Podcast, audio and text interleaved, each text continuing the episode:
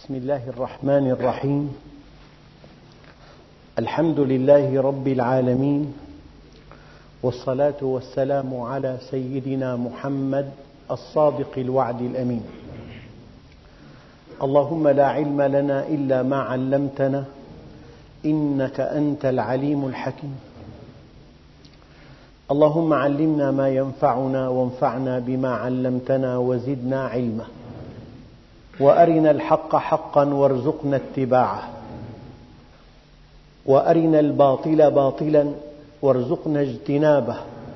واجعلنا ممن يستمعون القول فيتبعون أحسنه وأدخلنا برحمتك في عبادك الصالحين. أيها الإخوة المؤمنون مع الدرس الأول من سورة عبس وتولى. والآيات الأولى بسم الله الرحمن الرحيم. عبس وتولى أن جاءه الأعمى وما يدريك لعله يزكى أو يذكر فتنفعه الذكرى. أما من استغنى فأنت له تصدى وما عليك ألا يزكى وأما من جاءك يسعى وهو يخشى فأنت عنه تلهى. لا بد قبل شرح هذه الآيات من مقدمة. المقدمة أن هناك مقام الألوهية وأن هناك مقام الرسالة. فلا بد من أن يكون هناك فرق واضح بين المقامين. لئلا تختلط الأمور فيؤله النبي عليه الصلاة والسلام. لا بد من تمايز مقام الألوهية عن مقام البشرية عن مقام النبوة. النبي عليه الصلاة والسلام معصوم من أن يخطئ في أقواله وأفعاله وإقراره. لا في أقواله خطأ ولا في أفعاله خطأ ولا في إقراره خطأ. الإنسان الوحيد الذي يعد كلامه تشريعا وإقراره تشريعا وأفعاله تشريعا هو رسول الله عليه الصلاة والسلام. عصمه الله عز وجل من أن يخطئ وأمرنا أن نأخذ منه وأن ننتهي عما عنه نهانا. فقال تعالى وما آتاكم الرسول فخذوه وما نهاكم عنه فانتهوا. كلامه تشريع وأفعاله تشريع وإقراره تشريع. ولكن لئلا يختلط مقام النبوة والرسالة مع مقام الألوهية. سمح للنبي عليه الصلاة والسلام بهامش ضيق جدا اجتهادي. سمح له بهامش اجتهادي يجتهد فيه. فإن أصاب أصاب. وإن اجتهد خلاف الأولى جاء الوحي فصحح له. لماذا سمح له بجانب اجتهادي؟ ليكون هناك فرق بين مقام الإله ومقام النبي لئلا يعبد النبي من دون الله. أيها الإخوة الحقيقة الأولى هو أنه لا معصية من دون تكليف. لا معصية من دون تكليف. لهذا المسجد أبواب ثلاثة. ليس هناك باب مسموح الخروج منه وباب ممنوع. لو في لوحة ممنوع ومسموح وإنسان خرج من الممنوع لكان عاصيا. فالحقيقة الأولى لا معصية من دون تكليف. النبي عليه الصلاة والسلام جاءه أحد زعماء قريش. والشيء المألوف والمعروف والطبيعي والمنطقي أن هذا إذا أسلم أسلم معه خلق كثير. الناس متبوعون وأتباع. المتبوعون يتبعون الأعلام دائما. فكل إنسان إذا سعى لهداية إنسان متبوع فكل أتباعه سوف يقلدونه. فحرص النبي عليه الصلاة والسلام على هداية هذا الإنسان حرص كبير. وهذا موقف طبيعي وصحيح ومألوف ومنطقي وواقعي بربكم لو أن أحدا من الإخوة الدعاة خير بين أن يلتقي برجلين رجل محب مستقيم تائب عابد سائح ورجل منكر معترض معاند أيهما أهون عليك أن تلتقي مع محب مع خاضع مع مؤمن مستسلم أم مع منكر معاند فظ غليظ؟ الأهون أن تلتقي مع إنسان مؤمن. الجلسة مريحة جدا. النبي اجتهد. اجتهد لا لراحته ولا لصالحه ولكن لصالح الدعوة. اختار الأصعب اختار الأقوى اختار الأشد اختار الإنسان المتعب. فكان مهتما بهذا الإنسان فجاءه أحد أصحابه الكرام وكان كفيف البصر ابن أم مكتوم وقال يا محمد يا محمد النبي عليه الصلاة والسلام انزعج منه وأعرض عنه وتغير لون وجهه تماما كما لو أن أستاذا كبيرا في الرياضيات عنده ضيف كبير وهو حريص على هدايته حرصا لا حدود له وهو منهمك في المناقشة دخل ابنه وقال له يا أبت دلني على حل هذه المسألة. ماذا يقول له؟ هلأ اخرج. أنا لك كل وقتي لك. الآن دعني دعني وهذا الإنسان. هذا الذي حصل. لذلك قال بعض العلماء الله عز وجل عتب للنبي ولم يعتب عليه. وفرق كبير بين أن تعتب له وأن تعتب عليه. لو دخلت الأم على غرفة ابنته ابنها فرأته يدرس حتى الساعة الثانية فجرا. قد تصيح به. إن لجسمك عليك حقا يا بني. قم إلى الفراش واسترح قليلا. إنها الآن غاضبة. غاضبة له أم عليه؟ له. فقال العلماء إن الله عتب على النبي لأنه حمل نفسه فوق طاقتها. لأنه اختار الأصعب. اختار الإنسان الأصعب. والأقسى والمعاند والكافر. فالله عز وجل وصف قال عبس وتولى. هذا وصف وليس هذا تقييما. أنا أقول لكم فلان خرج. أما إذا قلت بئس ما فعل أنا أقيم. لو أنني قلت خرج أو دخل هذا وصف. أما إن قلت بئس ما فعل نعم ما فعل صار تقييم. فالله عز وجل قال عبس وتولى. وصف الله حال النبي. الذي اجتهد فاختار المركب الصعب. لكن الوحي لفت نظره إلى أن هذا الذي تراه كبيرا هذا الذي تراه قويا هذا الذي تراه متبوعا هذا الذي تعلق آمالا على هدايته لعلم الله فيه لا تضيع وقتك معه. الإنسان قد يجتهد وقد يكتشف خطأ اجتهاده. قد يجتهد وقد يعلم أن اجتهاده لم يكن في محله. فالنبي عليه الصلاة والسلام لأنه ليس هناك تكليف إذا ليس هناك معصية. لا معصية من دون تكليف. ولأنه اختار الأصعب فقد عتب الله له ولم يعتاب عليه. النقطة الثالثة هي أن الوحي شيء مستقل عن كيان النبي. لا يملك جلبه ولا دفعه ولا بيانه ولا إخفاءه. يعني مثل بسيط إنسان قابل شخص. في أثناء المقابلة تكلم معه كلاما قاسيا. لو عاد هذا الإنسان إلى بيته بماذا يحدث أولاده وأهله؟ بإمكانه أن يخفي الكلمات القاسية التي سمعها من هذا الذي قابله. ومعظم الناس يفعلون كذا وقد يتكلمون العكس. كنت قوي وكنت جريء ما في مين يكذبه لأنه يتكلم كلام كما يحلو له. بس الإنسان عادته يخفي النواحي السلبية ويظهر الإيجابيات. فالنبي عليه الصلاة والسلام أمين وحي السماء.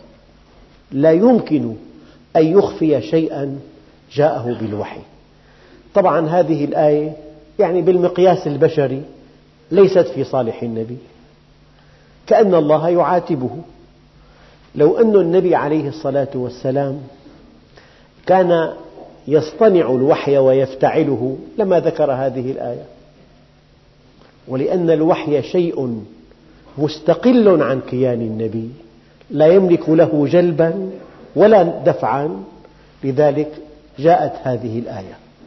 هناك شاهد آخر يؤيدها وهو أن الله عز وجل حينما سمح أن يذاع حديث الإفك بين الناس وأن يرجف المرجفون في المدينة أن السيدة عائشة ارتكبت الفاحشة مع فلان من الناس وأن هذا الخبر شاع وسار في المدينة كالنار في الهشيم وأن النبي عليه الصلاة والسلام تألم ألما لا حدود له.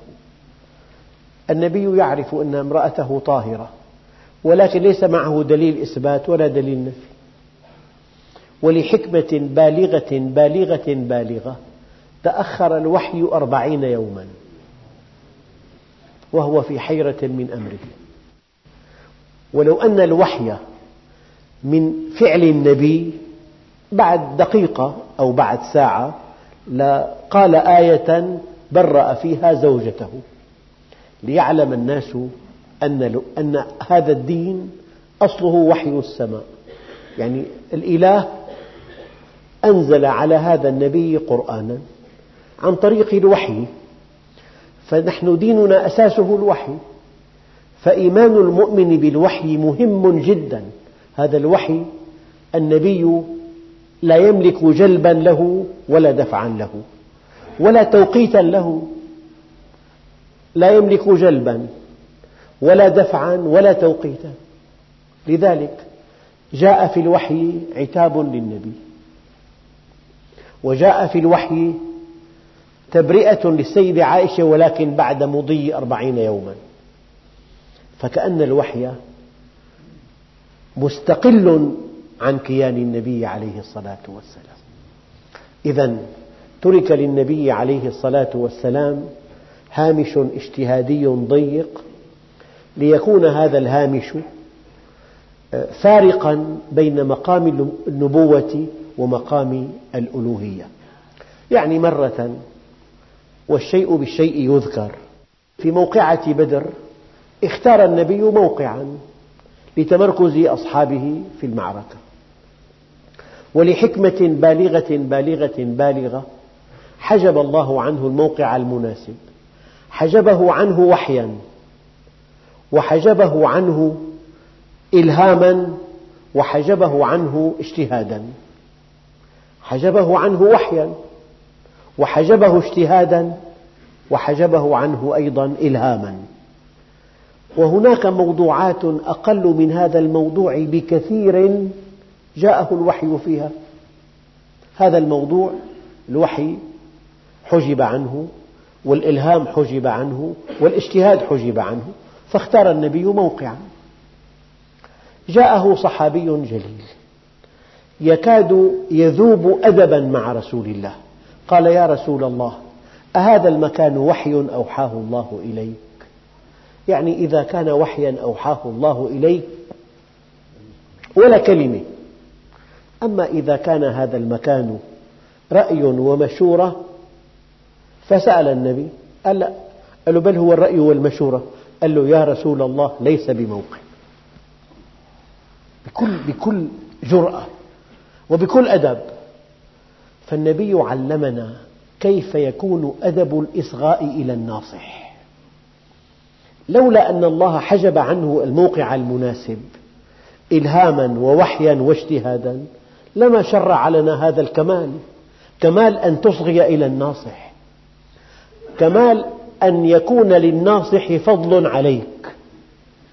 حقيقة أنه ما من أحد أكبر من أن ينقد وما من أحد أصغر من أن ينقد.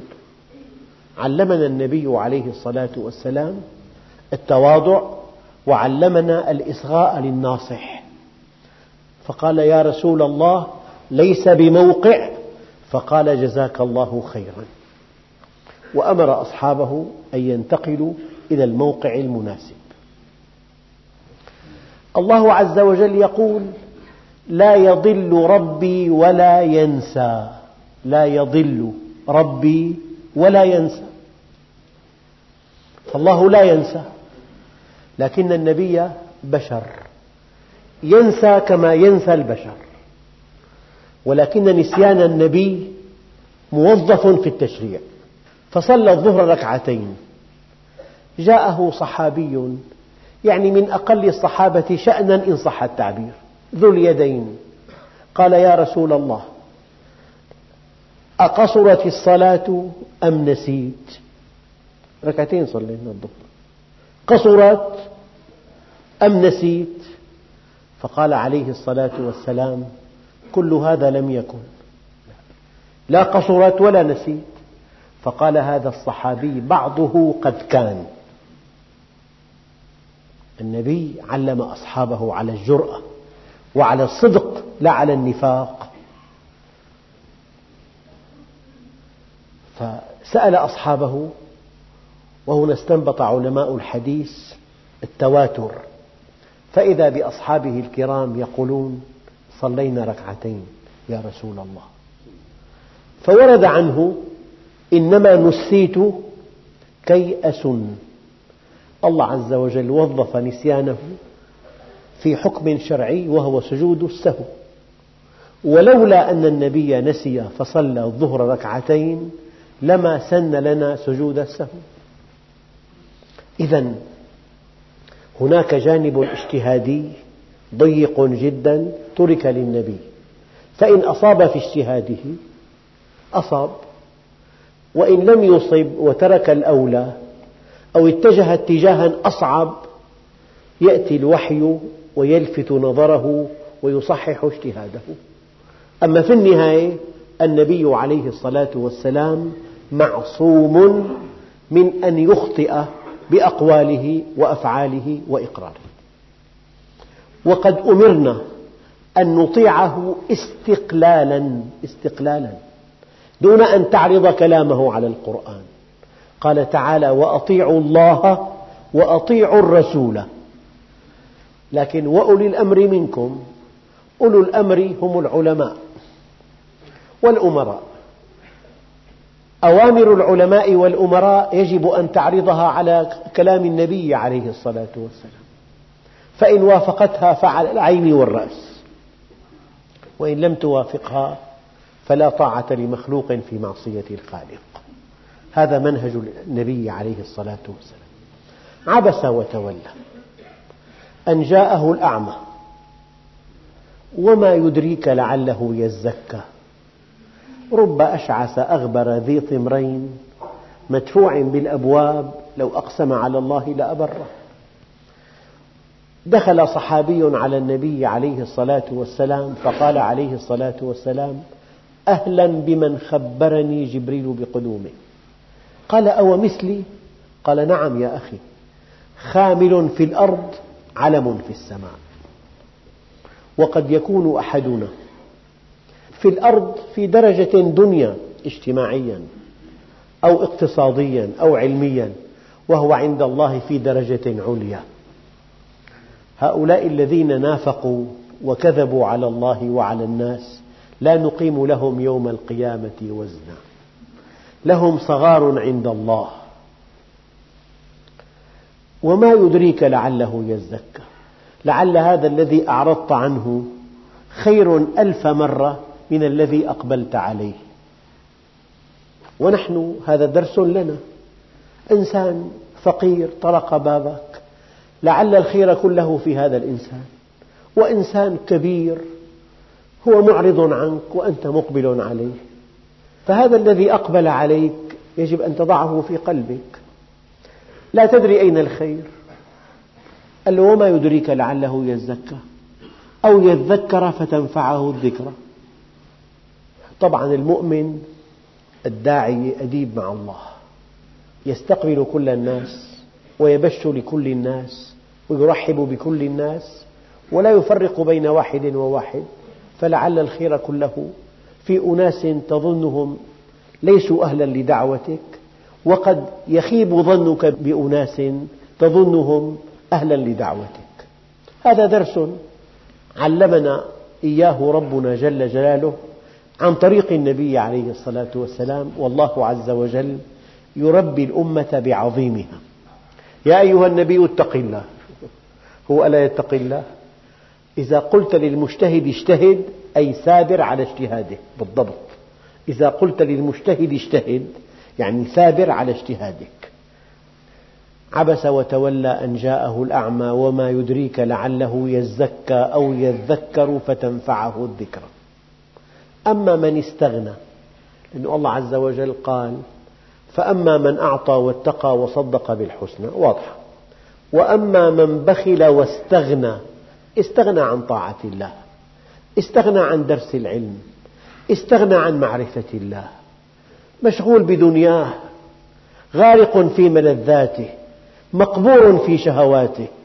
هذا استغنى عن الحق. لا يعبأ لا بدرس علم ولا بتفسير آية ولا بحكم فقهي ولا بسيرة الصحابي. يعنيه الدرهم والدينار وتعس عبد الدرهم والدينار وتعس عبد البطن وتعس عبد الفرج وتعس عبد الخميصة. أما من استغنى يعني المعرض لو يلتقي بالأنبياء جميعا لو يصعد إلى السماء فيرى كل شيء لو يرى ما بعد الموت لا يؤمن والذي أراد الحقيقة تدله بعرة عليها. البعرة تدل على البعير والأقدام تدل على المسير والماء يدل على الغدير. أفسماء ذات أبراج وأرض ذات فجاج ألا تدلان على الحكيم الخبير؟ يعني الحقيقة إن أردتها أقل شيء في الدنيا يدلك عليها وإن لم تردها لو كنت أكبر موظف في وكالة ناسا الفضائية. وترى كل يوم صور المجرات بما لا يصدق. لا تؤمن. يعني تماما الإنسان الذي ما أراد الحقيقة وكان ذكيا جدا مثله كمثل آلة تصوير غالية جدا بس ما فيها فيلم. فكل هذه المناظر التي تلتقطها لا تطبع فيها. والإنسان الصادق ولو كان متواضعا في ثقافته أو في اطلاعه مثله كمثل آلة فيها فيلم. أي منظر يطبع عليها؟ إن أردت الحقيقة كل شيء يدلك عليها. وإن لم تردها لو التقيت مع الأنبياء جميعا ورأيت كل المعجزات وصعدت إلى السماء لا تؤمن. قضية قضية اختيار وقرار داخلي. أما من استغنى فأنت له تصدى أيضا وصف وصف النبي حريص على هداية الخلق. فإذا التقى بقوي أو بزعيم فإذا اهتدى لعل من تبعه يهتدي. لكن الله عز وجل لفت نظره إلى أن هذا لا خير فيه. وما عليك ألا يزكى. الله عز وجل يقول ليس عليك هداهم وإنك لا تهدي من أحببت. يعني إنك لا تستطيع أن تهدي إنسانا. ما أراد الهدى؟ ثم إنك لست مسؤولا عن هذا الذي لم يهتدي. إن عليك إلا البلاغ. أما دعوتك حق وإنك لتهدي إلى صراط مستقيم. دعوتك حق ولكن لأن الإنسان مخير وهو حر طليق. ليس بإمكانك يا محمد أن تجبر أحدا على الهدى. إنك لا تهدي من أحببت. ولست مسؤولا ليس عليك هداهم. ليس عليك هداهم لن تسأل عن عدم هدايتهم ولن تستطيع أن تهدي من لم يرد الهدى. أما أنت في دعوتك أنت على حق وإنك لتهدي إلى صراط مستقيم نعم. وما عليك ألا يزكى. وأما من جاءك يسعى وهو يخشى فأنت عنه تلهى. كلا. هذا هو توجيه الوحي إلى النبي عليه الصلاة والسلام. إنها تذكرة. دقق في معنى تذكرة. يعني شيء يذكرك بشيء. معنى الشيء السابق مرئي من قبلك سابقا. أنت إن ذهبت إلى بلد وبعد حين أطلعك أحد على صورة لهذه البلدة. تقول إيه والله أعرفها. هذه الصورة تذكرة تذكرك بمشاهدتك لها سابقا. والدين مودع في أصل فطرة الإنسان. أنت مبرمج ومولف ومفطور ومجبول على حقائق الدين ومنهج الدين. فإن عرفت الله وطبقت منهج الله عز وجل ارتاحت نفسك. واطمأن قلبك وسعدت في الدنيا والآخرة. وهذا معنى قول الله عز وجل ألا بذكر الله تطمئن القلوب؟ هكذا صممت. يعني أنت تحب العفة وأمرك الله أن تكون عفيفا ففطرتك تطابق تكليفك. تحب الصدق وأمرك الله أن تكون صادقا. تحب الإنصاف وأمرك الله أن تكون منصفا. تطابق أوامر الله مع فطرة الإنسان تطابق تام. لذلك قال تعالى فأقم وجهك للدين حنيفا فطرة الله التي فطر الناس عليها لا تبديل لخلق الله. أن تقيم وجهك للدين حنيفا هو الشيء نفسه الذي فطرت عليه. تطابق تام. لذلك الإنسان لا يرتاح ولا يطمئن ولا ينام قرير العين إلا إذا أطاع الله عز وجل وعرف سر وجوده وغاية وجوده. كلا إنها تذكرة. فمن شاء ذكره. الإنسان مخير. من شاء فليؤمن ومن شاء فليكفر. إنا هديناه السبيل. إما شاكرا وإما كفورا. ولكل وجهة هو موليها فاستبقوا الخيرات. وأما ثمود فهديناهم فاستحبوا العمى على الهدى. إنهم فتية آمنوا بربهم وزدناهم هدى. هذه آيات الاختيار. كلا إنها تذكرة. أنت عليك أن تبين والإنسان حر يستجيب أو لا يستجيب.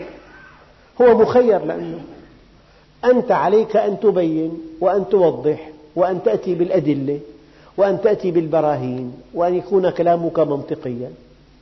فالإنسان إن لم يستجب هذه مشكلته وليست مشكلة من يدعوه إلى الله عز وجل. كلا إنها تذكرة فمن شاء ذكره في صحف مكرمة مرفوعة مطهرة بأيدي سفرة كرام بررة. يعني هذا الوحي الذي جاء في صحف آه، مكرمة مرفوعة مطهرة مكرمة عن الخطأ وعن الدنس وعن المصالح. طبعا كل كلام الإنسان ينطق عن الهوى أو لا ينطق. النبي عليه الصلاة والسلام لا ينطق عن الهوى مع أن معظم كلام الناس ينطق عن الهوى. يعني إذا كان يبيع بضاعة دون أن يشعر يثني عليها ثناء لا حدود له. هذا كلام ينطلق من الهوى. يعني هي طرفة. مرة دخلت إلى بائع آه، ستائر فألقى علي محاضرة. قال لي كل ما كان الأطوال أكثر يكون أجمل. قلت له كم يعني؟ قال لي الحائط كم طوله؟ قلت له ثلاثة أمتار. قال لي ثلاثة مع ثلاثة زائد واحد. يطلع جميل جدا. محاضرة. كلام منطقي. اخترت ثوب أنا.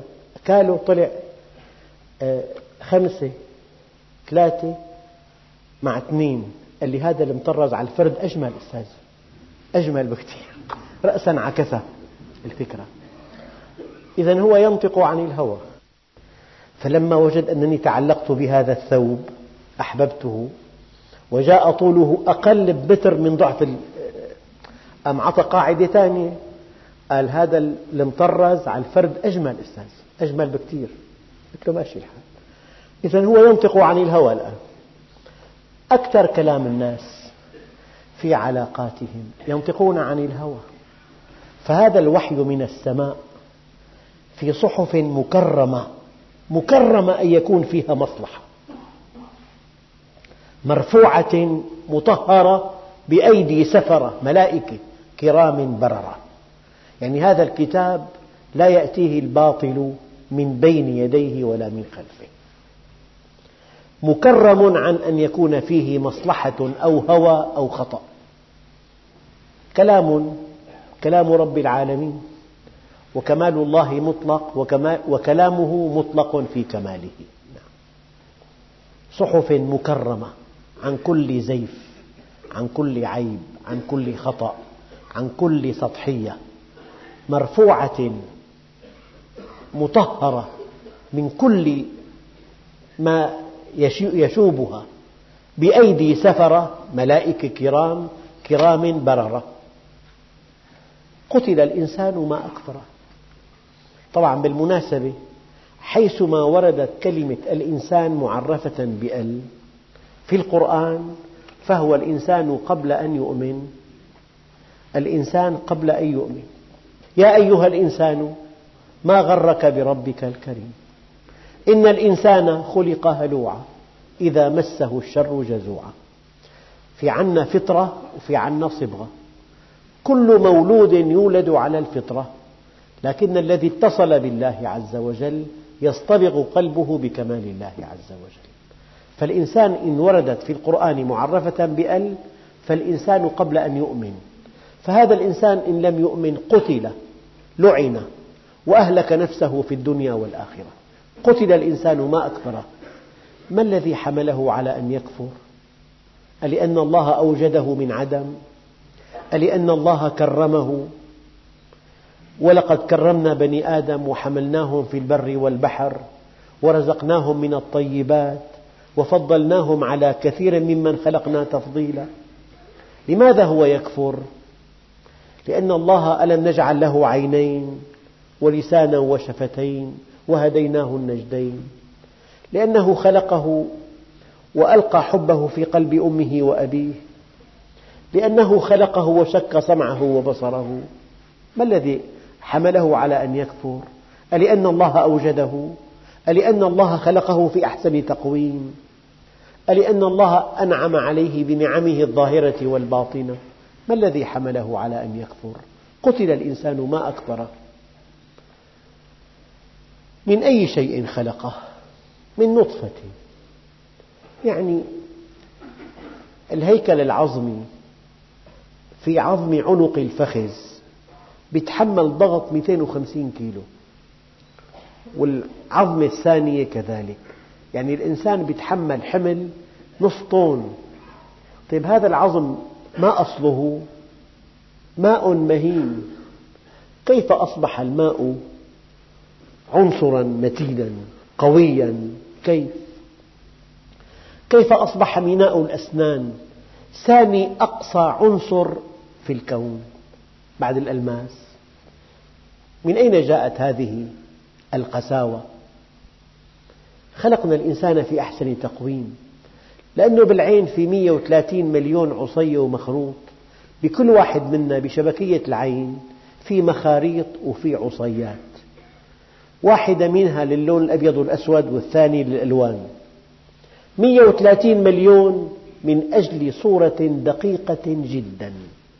من أجل أن تفرق بين درجتين من 800 ألف درجة للون الواحد.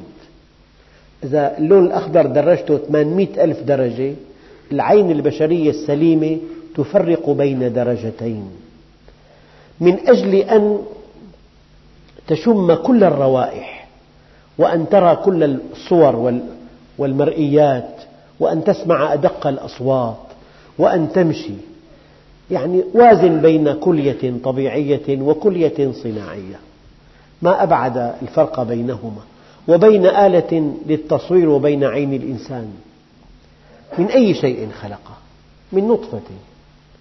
يعني معقول نقطة ماء بعد تسعة أشهر طفل جمجمة دماغ عين حواجب أجفان رموش قرنية قزحية جسم بلوري خلط مائي خلط زجاجي أعصاب شبكية عصب بصري 800 ألف عصب بغمد واحد. معقول؟ معدة 35 مليون عصارة فيها المعدة. أمعاء دقيقة. عمر خلية الأمعاء 48 ساعة. هذا شيء لا يصدق. كل واحد منا تتجدد ذغابات أمعائه كل 48 ساعة مرة. أقصر عمر خلية بالإنسان ذغابات الأمعاء 48 ساعة عمر الخلية وأطول عمر خمس سنوات. والإنسان يتجدد كليا كل خمس سنوات. كليا ما عدا دماغه وقلبه. لو تجدد دماغه إيه والله كنت كنت طبيب. راحت المعلومات كلها. قتل الإنسان ما أكفره من أي شيء خلقه. من نطفة خلقه فقدره. إنا كل شيء خلقناه بقدر. لو في خطأ بالتصنيع وكان بالشعر في أعصاب حس ماذا تفعل؟ بدك تروح على المستشفى تحلق. تعمل تخدير كامل مشان تحلق لو في خطأ لو في أعصاب حس بالأظافر والشعر كالوحش بصير أو بده يعمل عملية جراحية يتخدر حتى يحلق. لولا هذا المفصل لأكل الإنسان كما تأكل القطة يضع الصحن على الأرض وينبطح بلسانه. ما في طريقة ثانية من أي شيء خلقه؟ عظام وأعصاب. لو أن هذه المثانة لو أن الكليتان حالبان إلى الخارج مباشرة ما في مثانة كل عشرين ثانية في نقطة بول بده فوط الرجل السعيد. طبعا. عمل مثاني الله عز وجل. تجمع خمس ست ساعات أنت بكامل راحتك. نظيف مهفهف معطر. من أي شيء خلقه؟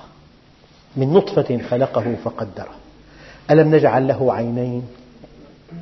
ولسانا وشفتين؟ كل حرف تنطق به تسهم في صنعه سبعة عشر عضلة. كل حرف. فإذا كان كلمة خلال ساعة كم عضلة تحركت؟ وهديناه النجدين. قال ابن عباس السديان غذاء بارد في الصيف دافئ في الشتاء معقم فيه مناعة الأم سهل الهضم جاهز فوري. وهديناه النجدين فلا اقتحم العقبة ماذا ينتظر؟ قتل الإنسان ما أكفره من أي شيء خلقه من نطفة خلقه فقدره. ثم السبيل يسره. يعني كيف الطفل بالرحم بسبعمية وخمسين سنتيمتر مكعب. سوف يخرج.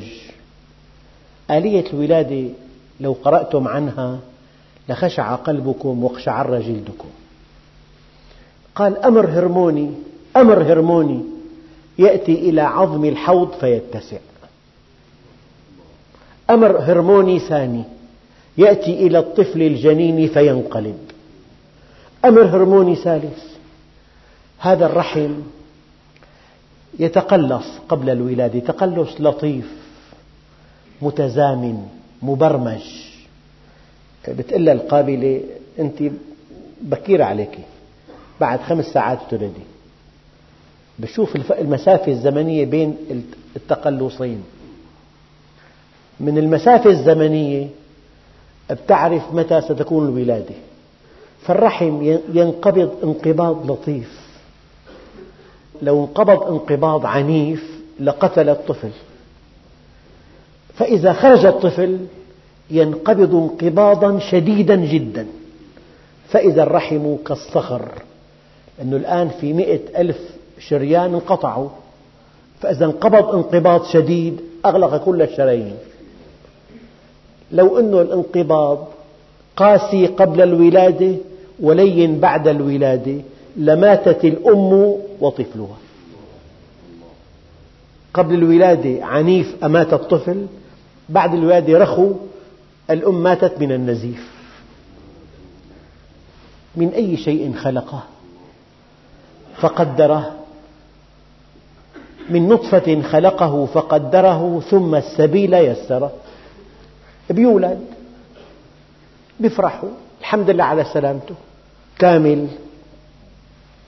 لو كان في ثقب مفتوح بدك 250 ألف. ثقب بوتال لو مفتوح لو بين الأذنين في ثقب مفتوح لو ما سكر أثناء الولادة بدك ربع مليون ليرة. لونه أزرق الطفل. إذا ما أجري له عملية بيموت. طيب سليم. رضع من ثدي أمه. هلأ مشي. فرحوا. طلعوا أسنانه فرحوا. قال بابا طار عقله أبوه. بعدين دخل الحضانة أرى الفاتحة. الأسرة كلها اختل توازنها. أرى الفاتحة مثلا. بعدين راح على المدرسة. بعدين أخذ ابتدائية وإعدادية وثانوية. بعدين أخذ بكالوريا. بعدين بده يشتغل. تأمل له عمل. بده يتزوج تزوج إجا أولاد. تقدم بالسن زوج أولاده زوج بناته. بدت متاعبه الصحية عنده كيس أدوية صار. ثم أماته فأقبره. هي رحلة لا بد منها. كل واحد على محطة واقف هلأ. هالقطار من البداية للنهاية. واحد بالمحطة النصانية بالثالثة بالرابعة بالخامسة. ثم أماته فأقبره. ثم إذا شاء أنشره. كلا لما يقضي ما أمره. لهلأ ما تبت لله عز وجل. لهلأ ما استقمت. إلى الآن لم تصطلح مع الله عز وجل. إلى متى أنت باللذات مشغول؟ وأنت عن كل ما قدمت مسؤول. تعصي الإله. وأنت تظهر حبه. ذاك لعمري في القياس شنيع. لو كان حبك صادقا لأطعته. إن المحب لمن يحب يطيع. والحمد لله رب العالمين.